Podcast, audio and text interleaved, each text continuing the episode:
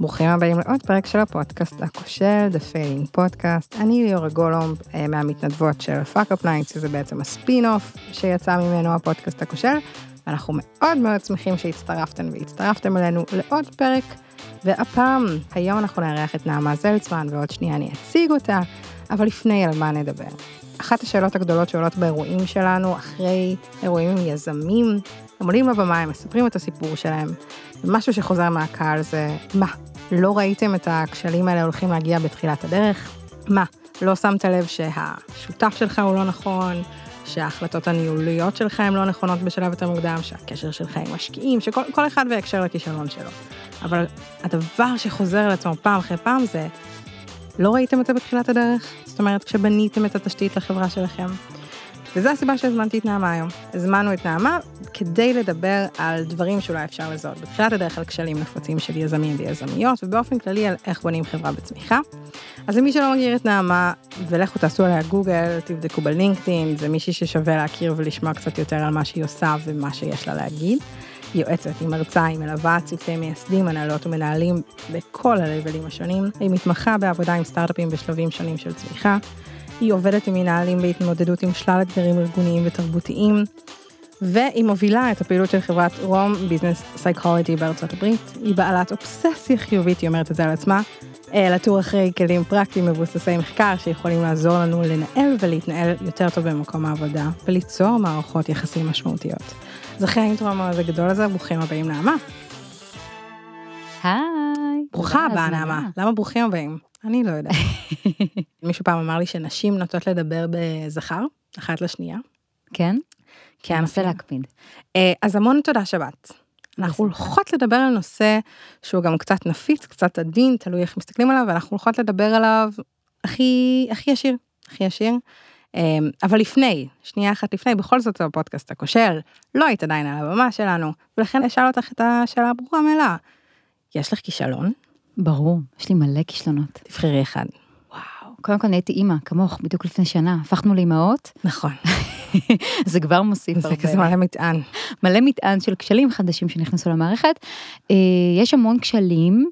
אני חושבת שהכישלון הכי גדול שהיה לי, זה שהמון המון שנים שתקתי, הייתה לי חוויה אה, ממש צריבה שסחבתי איתי אה, מתחילת הקריירה המקצועית שלי. אה, בעצם לאורך כל הקריירה שלי הייתי בעיקר בסביבות עבודה שנתפסות כיותר גבריות. אה, לא אחת יצא לי להיות האישה היחידה אה, בחדר, תפקידים יותר בכירים ופחות. אה, בתחילת הדרך, וזכורה לי חוויה לפני לא מעט שנים, שישבתי בחדר עם עשרה גברים, ושאלתי שאלתם, גם הצטרפתי לא מזמן לצוות. רציתי לקבל כזה קונטקסט, תן לי שאלה מאוד בסיסית, וחטפתי גל של מבטים, זלזולים, גלגולי עיניים, you name it, והרגשתי שהפחד הכי גדול שלי התממש, שיצאתי מטומטמת, ו- וכל כך כעסתי על עצמי, ואני מתביישת, כי עד לפני אולי שלוש שנים הייתי אומרת, ארבע שנים אולי, הדבר הזה ליווה אותי, יותר ויותר מדי זמן.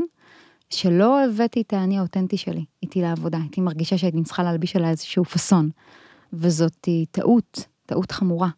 אה, וזה כישלון גדול, גם עבורי וגם עבור בטח אנשים ואנשים אחרים בחדר. אה, ופה אולי שווה להכניס אה, מחקר על אותנטיות, שיצא להתקל בו לא מזמן, כי כולנו מרגישים את הקושי עם המילה הזאת, אותנטיות, מצד אחד אנחנו רוצים להביא את מי שאנחנו, מצד שני אנחנו יש לנו כמה זהויות שאנחנו מרגישים צורך להתהדר בהן, אה, והמחקר הזה מצא משהו מאוד מעניין, שני דברים, שאנחנו לא מביאות את האותנטי שלנו לעבודה, יש פה חטא כפול. החטא הראשון הוא כלפי עצמנו, מחקרית, מבוסס לגמרי, כי בעצם אני אה, מרגישה שאני צריכה לשאת על עצמי מטען או, או זהות שלא מביאה את כל כולי לשולחן.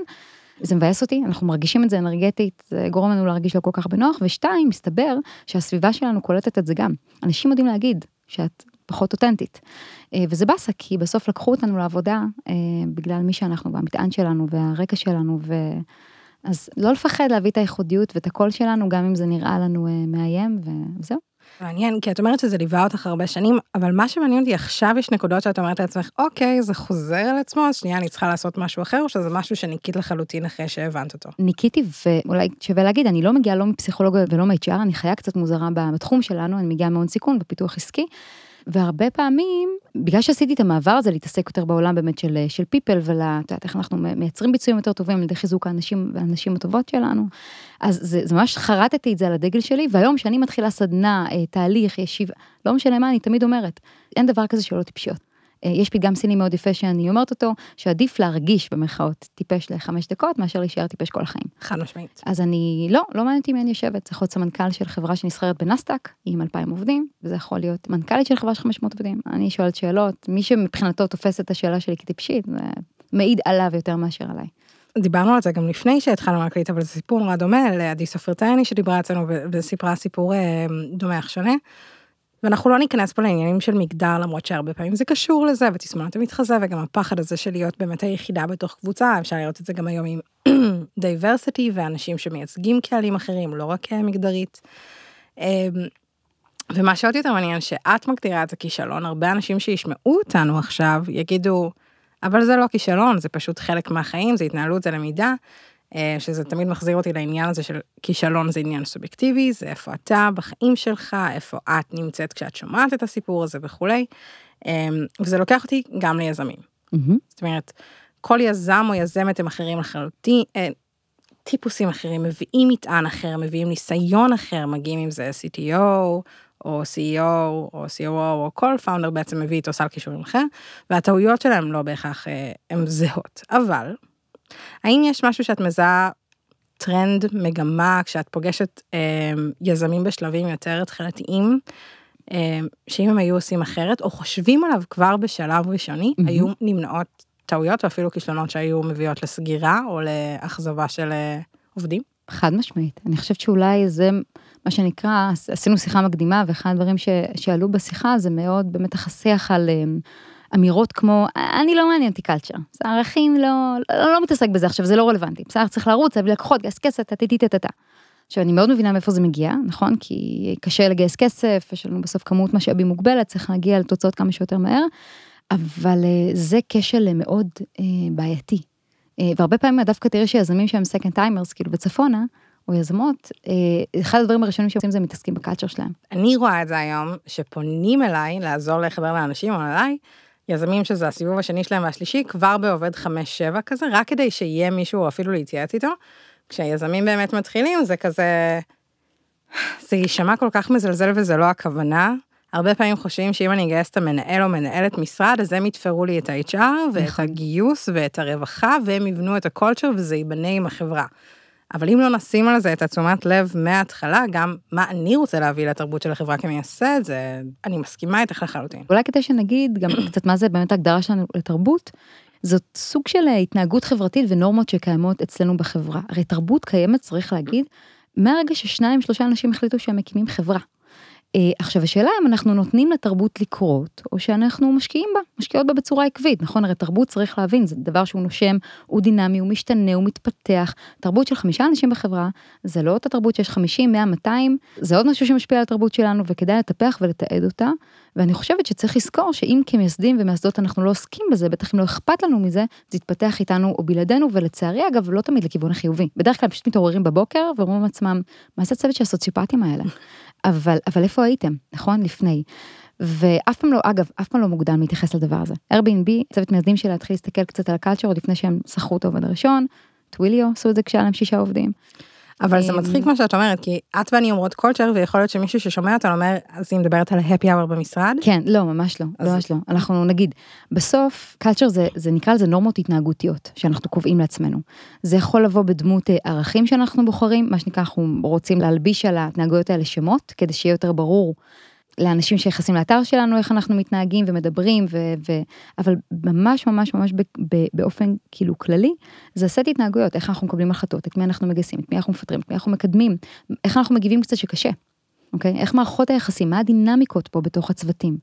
אמ, איך אנחנו מתייחסים לאנשים שסגנון התקשורת שלהם הוא שונה מאיתנו, זאת אומרת זה בא לידי ביטוי בהמון המון המון המון המון אספקטים, וצריך להגיד שה-DNA של חברה אמנם מתחיל במייסדים, אבל הוא ממשיך אה, לבכירים, אה, מנהלים ולעובדים, וכולם בעצם סוכני תרבות, ולכן בדיוק כמו שאמרת, אמירה בעיניי שה-HR אחראים בלעדים על התרבות, שלא נדבר באמת חיבור של הדבר הזה לניהול משרד, שהוא כמו שאמרת, זה, זה כאילו משרה בפני עצמה. משרה בפני עצמה, והיא תובענית, ובדרך כלל אנשים שממלאים אותה הם גם מוצאים את עצמם כסוג של PA, נכון? אנחנו גם, גם עושים סוג של לו"ז כזה למייסדים, נורא נורא נורא נורא קשה. ואנחנו חוטאים גם עבורנו וגם עבור עצמם, וגם מה המסר שהעובדים מקבלים. חד משמעית, גם כשאנחנו מגייסים ג'וניורים זה הפעם הראשונה שהם עובדים בסביבה כזאת, וזה מה שהם מקבלים, וגם כשאנחנו מגייסים אנשים שהם עם ותק מסוים שמצפים למשהו, ושוב, זה לא הבירה במקרר כמו שאוהבים לא, ממש לא. משהו שאני רואה יותר בשנים האחרונות, ואני שמחה כי זה סוג של בגרות, תרבות הפידבק שנכנסת מאוד חזק, מעבר לפעם בשנה על בסיס ביצועים לקבל בונוסים, או לקבל אה, העלות שכר, אלא איך אני משריש פידבק לאורך השנה כחלק מה-DNA הארגונים שלי, הארגוני שלי וכולי. אמ, אבל כן, זו נקודה מאוד מעניינת. אני תוהה אם חברות לפי דעתך יכולות ליפול, אבל אם הן לא בונות את הקולצ'ר הנכון. ברור, חד משמעית. אגב, פידבק, אמרת דבר פה מאוד מאוד נכון, ואולי שווה שנגיד איזה מילה פידבק. בגדול יש ככה שלושה סוגים עיקריים של פידבק, יש את הפידבק שהוא כזה on the go, נכון? Mm-hmm. שהוא יומיומי יותר, יש פידבק שזה קורה בוואן און וואן, ויש את הפידבק התקופתי. הפידבק התקופתי, כשהוא נעשה באמת אחת לשנה, זה מאוד בעייתי, זה lifetime בארגון. אז כן באמת ההמלצה והטרנד שאת רואה זה יותר ויותר חברות עושות אותו נניח אחת לרבעון. Mm-hmm. ואז שוב המטרה שלנו היא לא להפתיע עובדים. כי מה קורה שיש לך פידבק אחת לשנה? העובד מופתע לא משנה מה יהיה הפידבק. נכון, וגם בדרך כלל למה זה מתקשר? לסוף שנה. לביצועים. לביצועים והקומפנסציה. ו... חד משמעית. זה נהיה, גם ככה פידבק הוא בלון רגשי, כמו שילדד אוהב להגיד, ובצדק. אז אני לגמרי רואה את זה, אני כן חושבת שאנחנו שוכחים לפעמים שמועמדים כבר מקבלים את הרושם הראשוני על התרבות שלכם, ושוב, תרבות זה לא רק ערכים על הקיר, זה יותר חשוב אולי איך אנחנו מתנהגים כבר מתהליך הגיוס, ואיך הדבר הזה בעצם אה, נבנה, הפגישות הראשונות, הדיונים, האופן בו התהליך נבנה, וזה משחק ממש אה, תפקיד מכריע אם מצטרף לחברה או לא, וכדאי לנצל את זה לטובתכם, חלק מהחברות השכילו להבין את זה מצוין, וחלק בכלל לא. ואני לא יודעת איך את חווה את זה, אני מניחה שאת גם רואה את זה המון, שלא תמיד אנחנו שמים לב לאיך אנחנו אומרים לא למועמדים. ופה צריך לזכור אולי את המשפט של ג'ף בזוס שאמר, את זוכרת איך הוא הגדיר מיתוג? מה שאומרים על, עליך. שאתה לא בחדר. שאתה לא נמצא בחדר. אז מה מספרים עליכם בארוחות שישי? מה, בוא נחשוב שנייה, גם מה חוויית משתמש, שה, ש, שמשתמשים הם לא רק העובדים שלכם היום, הם גם מועמדים פוטנציאליים. יש ממש הסתכלות באופן כללי על גיוס היום כעוד מוצר של חברה. חד משמעית, זה מוצר? גם להסתכל על זה, VP של talent acquisition הרבה פעמים הוא, הוא מנהל מוצר. כאשר המוצר זה חוויית הגיוס ולא הבן אדם שאני מגייס, ואיך אני מסתכל על הדברים האלה, זה היוזרים שלי בתהליך הזה, זה האנשים שאני מגייס. וזה מרתק להסתכל על זה בצורה כזאת. אני מגיעה מעולמות גם של מיתוג מעסיק ו- וחוויה וכולי, אז מה שאת ואני מדברות עליו גם בשוטף, הנה הגילוי נאות שלנו, אז זה מאוד מתחבר פה גם לעולמות שלי, וזה לוקח אותי למשבר הנוכחי. Mm-hmm. אני עושה קפיצה מאוד כן. מאוד חדה, כי חלק ממה שקורה פה עכשיו, נורא נחמד לדבר על חוויית מועמד, mm-hmm. ונורא נחמד לדבר על פיטורים, ואפרופו, איך אומרים לא? Mm-hmm. כולם מפטרים עכשיו. עכשיו אני בכוונה קיצונית. לא כולם מפטרים, אבל כל חברה שמפטרת, יש חברה שמגייסת, וחשוב גם להגיד נכון, את זה, ולהגיע וכולי, וזה, כמו כל משבר שהיה, הוא היה, הוא הלך, והגיע אחריו צמיחה mm-hmm. מסוימת, וגם פה אני מאמינה שזה יקרה, חצי שנה, שנה, שנה וחצי זה יקרה. יש אומרים שזה בכלל תיקון ולא משבר, אבל כל הדברים האלה נשאיר כרגע בצד. אבל המשבר הנוכחי מראה לנו הרבה מאוד מהבפנים, מהקרביים של החברות. הרבה חברות לא שורדות את המשבר הנוכחי, ואנחנו קוראים כותרות גם על כאלה שלא משלמות השכר האחרון, ופשוט פיטרו בשיחות זום, או על הדרך וכולי.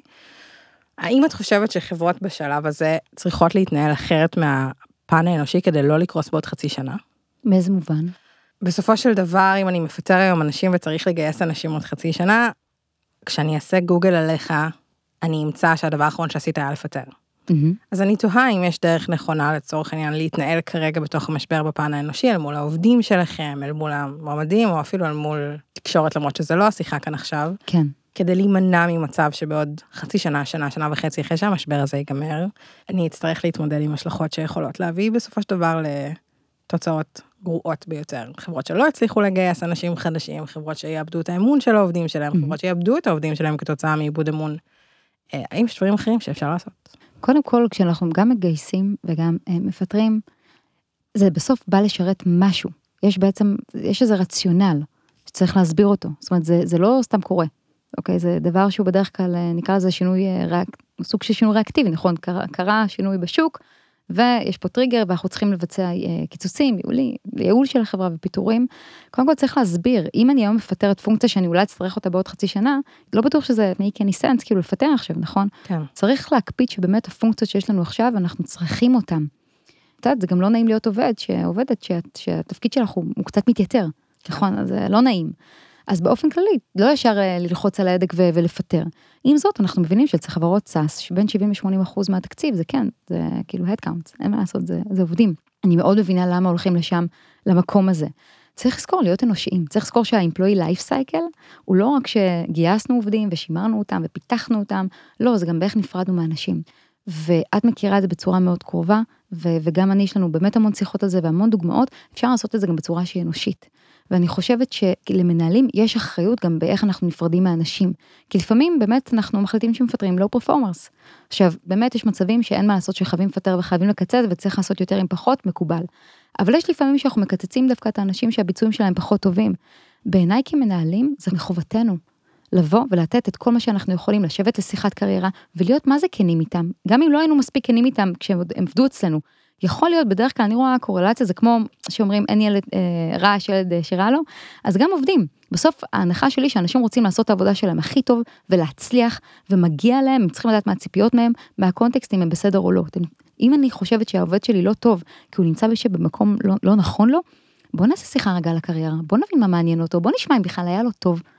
כאילו, יש לנו יכולת לתת להם כלים כמו החוזקות של גלופ, כמו MBTI, לעזור להם להכיר יותר טוב את עצמם, לעזור להם למצוא את הסביבת עבודה שיותר מדויקת עבורם. אז אני חושבת שזה לא עלות מאוד גדולה של זמן ובטח לא של כסף, ולעשות כמו שאתם עושים עבודה מאוד יפה ואתם עוזרים, את יודעת, גם אם אצלכם אה, לא היו דברים כאלה, אתם מאוד עוזרים לתעשייה ומיטאפים ומאנדי לדעתי עשו אתמול כנס מאוד גדול או שבוע האחרון למפוטרים. יש המון דברים גם, אה, מה שנקרא בחינם, שאנחנו, מחובתנו בעיניי לעשות. התפקיד הניהולי הוא לא נגמר רק שאנחנו, את יודעת, העובד הולך. זה מרתק. אני לוקחת את זה למקום של Fuckup Nights ולכישלונות. אנחנו עושים אירועים עסקיים. אה, וזה אירועים פנימיים שלא יוצאים החוצה, הם לא מוקלטים בשום מקום, ואנחנו בעצם עובדים עם הנהלות של חברות, פרטי, אה, tech וכולי, על לעודד אנשים להיכשל בתוך חברות. למה זה נורא מתחבר למה שאת אומרת? כי כל פעם שאנחנו מביאים מנהלים לדבר, המקום הראשון שהם הולכים אליו בכישלון העסקי שלהם, זה לא איבוד לקוחות וזה לא איבוד דולרים או מוצר לא נכון. הדבר הראשון שלפחות 80% מהם אומר לנו, זה על פיטורים. זה שהם נאלצו לפטר מישהו, הם רואים את זה ככישלון אישי שלהם. והכישלון הזה מגיע בדרך כלל מאחת מארבע סיבות. אחת, או שהם קידמו את הבן אדם הלא נכון לתפקיד, mm-hmm. ועכשיו הם צריכים לפטר אותו כי הוא לא בפרפורמנט, וזה בגלל שהוא היה איקס שנים בחברה, אז פשוט קידמו אותו כי זה הדבר הנכון לעשות, כמו הרבה יחסים שהם מתחתנים כי זה הדבר הבא שצריך mm-hmm. לעשות ולא זה, אז ממש ככה הם מעידים על זה. הדבר השני, כי לא הייתה התאמה. קורה הרבה פעמים, מקצועית, אישית, מה שזה לא יהיה. הדבר השלישי, זה לא היה חיבור עם המנהל, שזה לא התאמה לחברה, זה ממש על בסיס זה אנשים מפטרים. והדבר הרביעי שמעניין, זה שהם עשו עם עצמם חושבים והבינו שהבן אדם רק בדיעבד אחרי שהם פיטרו, עבר מנהלים או עבר צוותים ולא קיבל פידבק. לא קיבל וואו. פידבק שנה, שנתיים, שלוש, או קיבל את זה ממנהל שלא ניהל אותו על בסיס של חודש אחד, חודשיים, והאנשים האלה גם איבדו מוטיבציה בדרך, וזה התפוצץ וזה הגיע לפיטורים. וזה מעניין אותי שכשמנהלים, וזה משמח אותי גם באיזשהו מקום, שכשאנחנו שואלים אותם מה הכישלון שלך ביום יום שאתה עושה, זה מגיע לנקודה הזאת שהייתי צריך לפטר. זה קצת מראה חמלה, וכעובדת אני גם שמחה לשמוע שזו נקודה שלא לא נעימה לאנשים. זה דיני נפשות. חד זה לא צחוק. בקורונה ראינו את זה עכשיו, אנחנו שוב רואים את זה. בטח. את חושבת שיש דרך נכונה, דיברת על זה קצת, זרקת את זה, אבל יש דרך נכונה לפטר, יש דרך נכונה לתקשר לבן אדם, אין לך מקום כאן יותר? קודם כל זה מתחיל במה שאמרת בהתחלה, בתרבות של פידבק. אני לא אוהבת הפתעות. אני יכולה לשתף אותך שהייתי יועצת אה, ב-PwC ויצא לי ללוות לא מעט לקוחות. ולפעמים הייתי צריכה להיכנס ככה, אה, מה שנקרא, קצת יותר לקרביים, אה, להתעסק קצת בתשתיות. ויצא לי להתעסק קצת בשימועים, מה שלא יצא לי להתעסק בו בחיי. וגם אני וגם הקולגות שלי, ויוצא לי לדבר עם המון המון HRיות, אין כמעט באמת סיטואציה שעובד מגיע לשימוע, והוא מבין בדיוק למה הוא נמצא שם. את יודעת כמה פעמים כאילו תמיד הם מופתעים באיזושהי צורה? 80 אחוז מהמקרים כן. ברמה של מי שיכולה להסתכל לי בעיניים ולהגיד אבל נתתם לי הלאה. עכשיו שוב אני, אני יודעת, אני פונקציה, מה שנקרא הייתי חיצונית, עבר גם זמן, אבל היא אומרת לי, אבל נעמה, אני לא מבינה, כאילו שנייה לפני שימוע, אני, למה הזמינו אותי לפה, אני, אני, כאילו, אני לפני חצי שנה קיבלתי העלאה. כמה אני שומעת את זה. מבינה? וזה אחרי שאת מוודאת עם המנהלים אה, לפני כן, ויודעים. אה, נתנו לי לגייס. כן, כאילו, תקשרתם את זה, זה גם בצורה כתובה, בטח, בטח, בטח, כן, כזה. ואנחנו חייבים אה, להקפיד על זה, כן, אז קודם כל, לא לוותר. ואני חושבת שיש אחריות, קידמתם מישהו לניהול, אם הוא פרסט טיימר וגם אם הוא לא משנה דירקטור שמנהל מנהל שמנהל מנהלים עם עשר שנות ניסיון צריך לתת את ההכשרה הזאתי לאיך לנהל שיחות קשות, לאיך לתת פידבק, לא למדנו את זה בבית ספר. זה בסדר, מתי מעט נולדים עם הגישה הזאתי. אבל יש כן חוקים בפידבק שיכולים לעזור לנו לעשות את זה קצת יותר טוב. באופן כללי אני חושבת שאנחנו הופכים פידבק לדבר שהוא נורא דרמטי, כי זה גם עבורנו דרמטי. את יודעת, אם אני לחוצה ממשהו ועובד בראש שאני באה לדבר איתו, אז הוא כנראה חרד פי עשר ממני לסיפור הזה, ואנחנו צריכים ללמוד להיות קצת יותר אינפורמטיביים בעיניי בכל מה שקשור בפידבק ולהבין שזאת אינפורמציה. אני בסוף רוצה לראות ניהול הוגן. מהמנהל שלי. אני, ו, ו, ואני גם רוצה ניהול הוגן עם העובדים שלי. כשהם עושים טוב אני אגיד להם, כשהם עושים לא טוב אני אגיד להם, אבל תמיד זה ממקום שאני רוצה שהם ישתפרו, שיהיה להם יותר טוב. ואני צריכה לשים לשני דברים, לב לשני דברים. קודם כל, שהפידבק יהיה מספיק ישיר, אני רוצה להגיד לך בדיוק מה אני חושבת, אבל גם בוא נזכור שאנחנו עובדות מחר ביחד, ופה אנחנו קצת חוטאים. אני רואה את זה הרבה, את יודעת, אני עובדת עם צוותים שהם גלובליים. אז בוא נשים לב לדרך. בסוף הפידבק בא לשרת מטרה. המטרה של פידבק שהוא לא רק ייאמר, שהוא יתקבל. בוא נשים לזה אה, דגש, שזה מתחיל בפידבק. ו- ובוא נשים לב, לאלדד יש עצה מאוד טובה, שנורא נורא אימצתי אותה. אלדד זה השותף שלך? כן, כן. אנחנו כן. זורקות השם כזה. הוא הקים את, נכון, אלדד הקים את רום ביזנס אקולוגי לפני 20 שנה, והצוות מלווה המון המון חברות טובות, הוא מנטור וחבר טוב, ואני באמת, זכות גדולה לעבוד איתו. בסוף גם להשתמש באותו טון דיבור. שאת, אני בטוחה שאת נותנת פידבק טוב אה, לעובדים שלך, את לא מוציאה פונפונים, נכון? את משתמשת בטון מאוד, בואו גם שאנחנו נותנים פידבק שלילי. אוי, זה מדהים, בשיחות שימוע שאתה שומע מנהלים נכנסים ומהחוסר נימות כזאת, את נהדרת, פשוט, אה, את יודעת, הם מנסים ישר פלס, ובשיחה שדווקא אתה מפטר את הבן אדם, אתה צריך להיות מאוד ענייני ומאוד הכל, כן. זה... נכון, מאוד ענייניים. אה, גם בשלילי וגם בחיובי. ושאני יודעת שיש פה ניהול הוגן, שאני עושה טוב אומרים לי, ושאני עושה רע אז גם אומרים לי, אז אני יודעת איפה אני עומדת, הם לא צריכים להיות מופתעים, זה על הפנים. זה בהכל. בהכל. זה בהכל, זה לא, השקיפות הארגונית היום, שלא מדברים עליה מספיק, גם סביב המשבר הזה, תופסת עובדים כמו אלה שלא רואים את זה, שזה כל הזמן מתקשרים להם ב-all-ins ובכל הפגישות ובכל המקומות האלה שהכל טוב בחברה. נכון. הכל טוב. אוי, זה מוביל אותנו. אנחנו בצמיחה, אנחנו בצמיחה, אנחנו בצמיחה. אפשר להגיד על זה משהו? בטח, זה הבמה שלך. וואו, אז לא, לא, זה, זה כשל שיצאנו לדבר עליו לא מעט. זה, יש נטייה קצת להתייחס לעובדים שלנו כ, כילדים. Uh, עכשיו שוב, אני מבינה למה יש המון דמיון בין הורות לניהול, אבל זה כשל מאוד חמור, ואני אתן לך דוגמה, יצא לי לשבת עם uh, uh, חברה טובה, היא HR בניו יורק, של אחת החברות הישראליות היותר גדולות, נסחרות. ולפני הישיבה, לפני הקפה שלנו, יצא לקרוא באחד העיתונים הכלכליים שאותו מנכ"ל שלהם מצהיר שאין יותר פיטורים. עכשיו, חברה שחטפה לא מעט, היו להם כבר כמה סבבים גדולים, ושאלתי אותה האם העלו פני הדברים, והסתכלה במין עיניים עצובות כאלה, ואמרה לי, האמת שממש לא, יש עוד תוכנית מגירה. תלוי ברבעון הבא. עכשיו אני מבינה מאיפה הוא מגיע, בסדר, הוא לא רצה להלחיץ, הם חטפו מהמדיה, הוא לא רצה להלחיץ אנליסטים, אז הדבר כנראה שיצא לו שאותה עיתונאית לחצה אותו זה, את יודעת, כאילו אין פיטורים. אבל זה כשל, זה כשל פעמיים. אגב, קודם כל זה כשל של עדותיות, זה כאילו אני אומרת לאדם, כאילו את אומרת, את יודעת, לאריאל, אריאל פעם אחרונה, לא, לא, לא, לא, עכשיו, עכשיו זה ממש פעם אחרונה, די, די, די. איזה מי, איך את, מה? הם לא ילדים, בסדר? ודבר שני, זה גם קצת הכחשה או הדחקה, כאילו, איך אני יודעת זה לא אחראי מצידי בכלל להגיד דבר כזה, אני יודעת לאן השוק ילך, מה יהיה, מה יהיו התוצאות, לא הכל תלוי בנו, אפשר לעשות את העבודה הכי טובה שיש, אבל השוק יש לו את החוקים משלו, צריך ללמוד את ההתנהגות של הלקוחות, ולכן זה כשל מאוד מאוד מאוד גדול, ואנחנו שוכחים לפעמים שהעובדים הם שותפים שלנו, הם לא ילדים שלנו, ואנחנו לא אוהבים בני אדם באופן כללי שמטשטשים לנו את המציאות. אמ, וזה בסדר שלא יהיו לכם את כל התשובות, הוא יכל להתנסח אחרת לגמרי, זה הכי קל להגיד בדיעבד, נכון? אה, ולהגיד, אנחנו מקווים מאוד שלא יהיה, באמת נעשה הכל, אבל זה יהיה לו אחראי, ואני לא הולך לשקר ולהגיד לכם שאני יודע מה יהיה. אני לא יודע, אנחנו אבל כן יכולים להתחייב שנעשה את הכי טוב מהצד שלנו. ישבתי פעם עם יזם שאמר לי, יזמים או משקיעים שאומרים לי משהו חד משמעית, חד וחלק, זה לא יקרה, זה לא פה, זה לא זה, אני יודע שהדבר הזה הולך לקרות. כן. זאת אומרת, הם בעצמם לא יודעים את זה, אבל הם כל כך מפחדים מהסיטואציה הזאת, שזה פשוט האנשים להתרחק מהם בסיטואציה. הוא אמר לי לא לבחור ככה חברות ללכת לעבוד בהם. ברור. אמ, כן, כן, כי אף אחד לא יכול להבטיח כלום, בסוף, אם אנחנו מדברות ספציפית על טק, זה תעשיית הון, סיכון, יש פה סיכון, רוב החברות ייסגרו. נכון. אין מה לעשות, זה, זה סטטיסטי. זה נכון. חלק מהמשחק, נכון. יש דברים, אנחנו כזה קצת לקראת הסוף, אנחנו פה מדברות אה, קרוב לחצי שעה, שזה כיף, אני מקווה שגם המאזינים והמאזינות כיף, ודרך אגב, אם יש לכם שאלות, אתם מוזמנים לפנות לנעמה או אליי בלינקדאין, וגם אה, לכתוב לנו בעמוד של אה, הפודקאסט הכושל. אני רוצה לשאול אותך אם יש דווקא מהצד השני דברים שיזמים בשלב מתחיל יכולים לעשות, גייסו כסף ראשוני, יש אפילו קצת ניצוץ של טכנולוגיה, איך אני בונה חברה בריאה. וואו. קודם כל משתדלת להביא את האנשים הנכונים. שזה בגדול- ענק. נכון.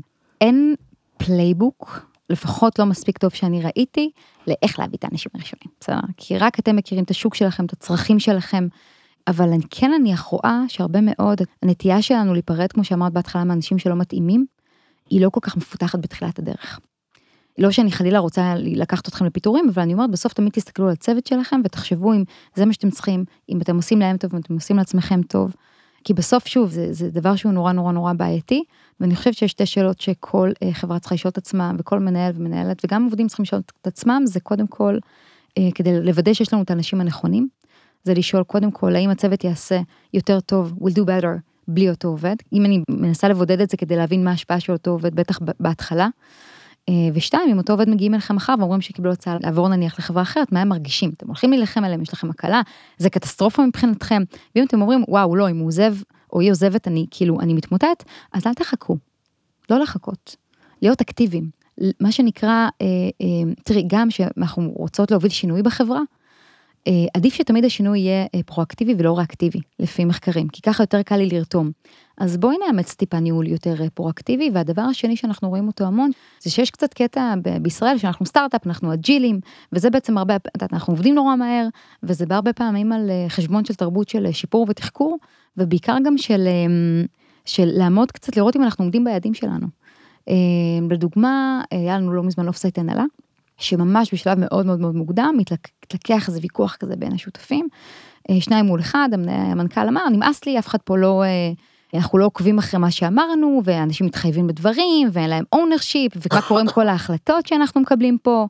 אגב, זו חברה שגייסה 70 מיליון דולר. אה, ואז הוא אמר, וביקשתי מכם לעשות את זה, וזה לא קרה, הם אומרים לו, אבל זה היה חשוב לך? כן. הצגת לנו עם זה? "אה, הצגתי, בטח שהצגתי, הרימו את הטלפונים, אמרו לו, בוא, תראה לי, איפה? גם הצגתי. שזה התוכחה הזאת, בוא בוא תוכיח כן, אותי, בוא תוכיח לי. אותי עכשיו. מלא אצבעות מאשימות. אוי, זה נורא. עכשיו, למה, לא, למה שלא יהיה לנו איזה Google Doc בכל אה, ישיבת הנהלה, תחילת כל שבוע, שנוכל לשים את זה אחרי זה בכל חברה? בוא נכתוב מה התחייבנו לעצמנו לחודש הקרוב, לרבעון הקרוב, לשבוע הקרוב, ובוא נתחיל כל ישיבה בסטטוס קצר. אנחנו, זה נראה לנו לא, לא מגניב, את יודעת, למדוד, וזה נראה קצת אפילו כמו micromanagement. לא, חבל. זה יעזור לכם, זה ייצר ויזביליות, זה מייצר גם שקיפות, אפשר גם להחליט שאנחנו חולקים את המסמך הזה עם כל שאר החברה. בואו נתחיל אה, להטמיע קצת תרבות יותר של שקיפות. זה כל כך נכון וזה מחבר לכל כך הרבה דברים אה, אחרים. משהו שאני מבינה יותר ואני רואה שגם את הסובבים דווקא בעולמות האלה של משאבי אנוש זה כבר לא המונח הנכון. אבל כל מי שמתעסק בעצם באנשים בתוך החברה, אנחנו חייבים לחבר את העשייה שלנו גם לביזנס עצמו. האנשים זה חלק מהביזנס, אבל עדיין אנחנו צריכים להבין מה היעדים של החברה שלנו לשנה הקרובה. ולהתחבר לזה. איפה אנחנו תומכים? לא רק במנהלים, ב-ICs כדי לתת להם את היכולות כדי לעמוד ביעדים מסוימים. איך אנחנו בונים את החברה מבחינת צמיחה, כמו שאת אומרת, לא רבעון קדימה, שנה קדימה, איזה אנשים אני צריכה, כי גיוס לא קורה מהיום להיום. ממש לא. איך אני בונה תהליך גיוס שהוא פרי, כזה שגם מכבד את האנשים שמראיינים בתוך החברה ולא מכביד עליהם. זאת אומרת, יש פה המון שאלות וזה כל כך כל כך נכון וזה כזה הקצה של הקצה של הקצה. יש עוד משהו שאת מזהה היום שאנשים עושים עכשיו לצורך עניין אחרת אפילו מלפני חמש שנים ואת אומרת זו התנהגות ששווה לאמץ. תראי, פידבק באופן כללי אנחנו אוהבים לחלק אותו לשתי קטגוריות. יש פידבק על המה, על המקצועיות, את יודעת, על התוצרים, על ה-definition שלך לדן, את יודעת, כזה, כן. ויש אה, פידבק על ההתנהלות, על, על איך העובדים מתנהגים בחברה. אני חושבת שפעם, אני כן, עד לפני כמה שנים היה אולי פחות נעים לאנשים לדבר קצת על ההתנהלות. ואני מרגישה שבשנים האחרונות, אני לא יודעת אם את גם מרגישה את זה, יש יותר לגיטימציה, מרגישים יותר בנוח להבין שכמנהלים יש לנו גם ownership ואחריות על ההתנהלות של העובדים שלנו, וכן יש סגנונות שלא מתקבלים פה יותר. הרעלנים הארגונים שיותר ראינו אותם פעם, פחות יש עליהם סובלנות, ובצדק. אה, תופעות אה, מזלזלות שפעם אה, אנשים אמרו, כן, אבל הוא חזק טכנולוגית וזה, אבל נשאיר, כבר פחות עובר היום. כי אנשים מבינים לאט לאט לאט ש talent density זה מה שקובע, ושבסוף אחת המתנות הכי גדולות שאת יכולה לתת לעובדים שלך, זה שהם יתראיינו בהמשך, ובואי נגיד את האמת, הם יתראיינו, הממוצע אה, שעובדים נשארים בגוגל זה שנה ושלושה אה, חודשים, בסדר, אנחנו יודעים שהצ'רן הוא יחסית גבוה, זה שיגידו, אה וואו, הוא בא מהחברה הזאת, חברה מדהימה, קלצ'ר מדהים, חברה מדהימה. ויש קצת יותר מודעות אה, לדבר הזה מאשר פעם, ויותר פתיחות, לשמוע ולקבל, גם אנשים שקצת אה, פחות אה, מאמינים במקומות הרכים האלה. וואי נעמה זה, זה מרתק ויש לנו כל כך הרבה מה לדבר עליו, אנחנו לצערי מגיעות לסוף של הפרק, ולכן כזה לסיום, אני אשאל אותך שאלה אה, קצת יותר גדולה. בתוך העבודה שלך, בתוך העבודה עם אנשים, מה את עושה כן, נעמה, כשבן אדם בא ואומר לך, אה, נכשלתי, נכשלתי, זה יכול להיות כישלון מול העובדים שלי, מול ההנהלה שלי, מול המשקיעים שלי, אבל הוא מתחיל בזה שנכשל. איך את מעודדת את זה מצד אחד, אה, ומצד שני עוזרת לו לעבור את זה. מעניין אותי להבין איך הוא לוקח את הכישלון הזה. והאם הוא לוקח אחריות על הדבר הזה, ownership מלא, או שהוא מעביר את זה הלאה, ואז לשקף בהתאם, כי בעיניי, בטח כלידרים בחברה, כמנהלים, בטח כמייסדים או מייסדות, זה א' ב' של ג' ד', אה, לקחת אחריות על הדבר הזה, אה, ובעיקר, אני שואלת אותו, מה השיעור שהכי טוב שלמדת שאתה לוקח איתך מה, מהדבר הזה? ואת יודעת, אנחנו, דעתי, אנחנו גם בישראל, פה בטח ביחס למדינות אחרות, לתרבויות אחרות, כישלון זה badge of honor, in a way. ועם זאת, אני חושבת שהכי חשוב זה איך אנחנו מתמודדות, איך אנחנו צומחות, ו- ופה אולי שווה להגיד גם מילה על חוסן, זה מאוד מתקשר גם לחוסן, כי כשאת בודקת הרבה פעמים חוסן של יזמים, שאנחנו עובדים נניח עם קרנות וצריכים לעשות את זה due diligence, אז את מאוד הולכת למקומות האלה. ואת שואלת איזה צמתים משמעותיים היו לך בקריירה, מה למדת משם, את עומדת מזה המון, וצריך לזכור שחוסן זה לא גנטי, זה שריר. זה שריר שאנחנו מפתחות, מתאמנות עליו, כשאנחנו במצבים קשים, מתסכלים. חוסן זה היכולת שלך להתמודד עם מצבים קשים בהצלחה, מצבים טראומטיים. אז איך הבן אדם מסתכל על הדבר הזה, ובאמת לבוא מהמקום של לשקף וללמוד הלאה ולהיות טובים יותר, אין לנו דרך אחרת להתאמן על חוסן חוץ מזה. אה, ולשקף, בסוף אני מאמינה שהתשובות אצל הבן אדם, אה, או אצל בת האדם, אה, אבל בעיקר ללמוד, זה צריך ללמוד, בשביל זה אנחנו פה. נעמה, המון המון המון תודה. יש משהו שאת רוצה להגיד לסיום שאת מרגישה שלא אמרת, אבל יכול לעזור, או... בשמחה, אל תפחדו לטעות. באמת, כאילו, גם פידבק, גם אם תעשו את זה גרוע, עדיף שת, שתגידו ותנסו, מאשר לא לנסות בכלל. ותיתנו מלא פידבק חיובי. אנחנו אומרים את זה מלא בסדנות. כל הזמן. השיעורי לא, בית... לא ש... לחכות להזדמנויות לא. לפידבק. ואת יודעת מה? גם בבית, אפשר להגיד את זה? זה לא, זה לא פודקאסט על יחסים, אנחנו הרבה יותר טובים וטובות בעבודה מאשר בבית. אה, תנו פידבק חיובי שבוע, אה, לא סתם פידבק חיובי, תגידו מה באמת אהבתם במה אה, שאנשים עשו, ותראו איזה אפקט זה עושה. לוקחת את זה אליי, הולכת לעשות את זה השבוע הקרוב. ספרי כן. לי איך היה. כן, זה יהיה מעניין. אה, המון המון המון תודה לנעמה זלצמן ותודה רבה אה, לגוגל קמפוס לסטארט-אפים שאירח אותנו והפודקאסט הוקלט פה.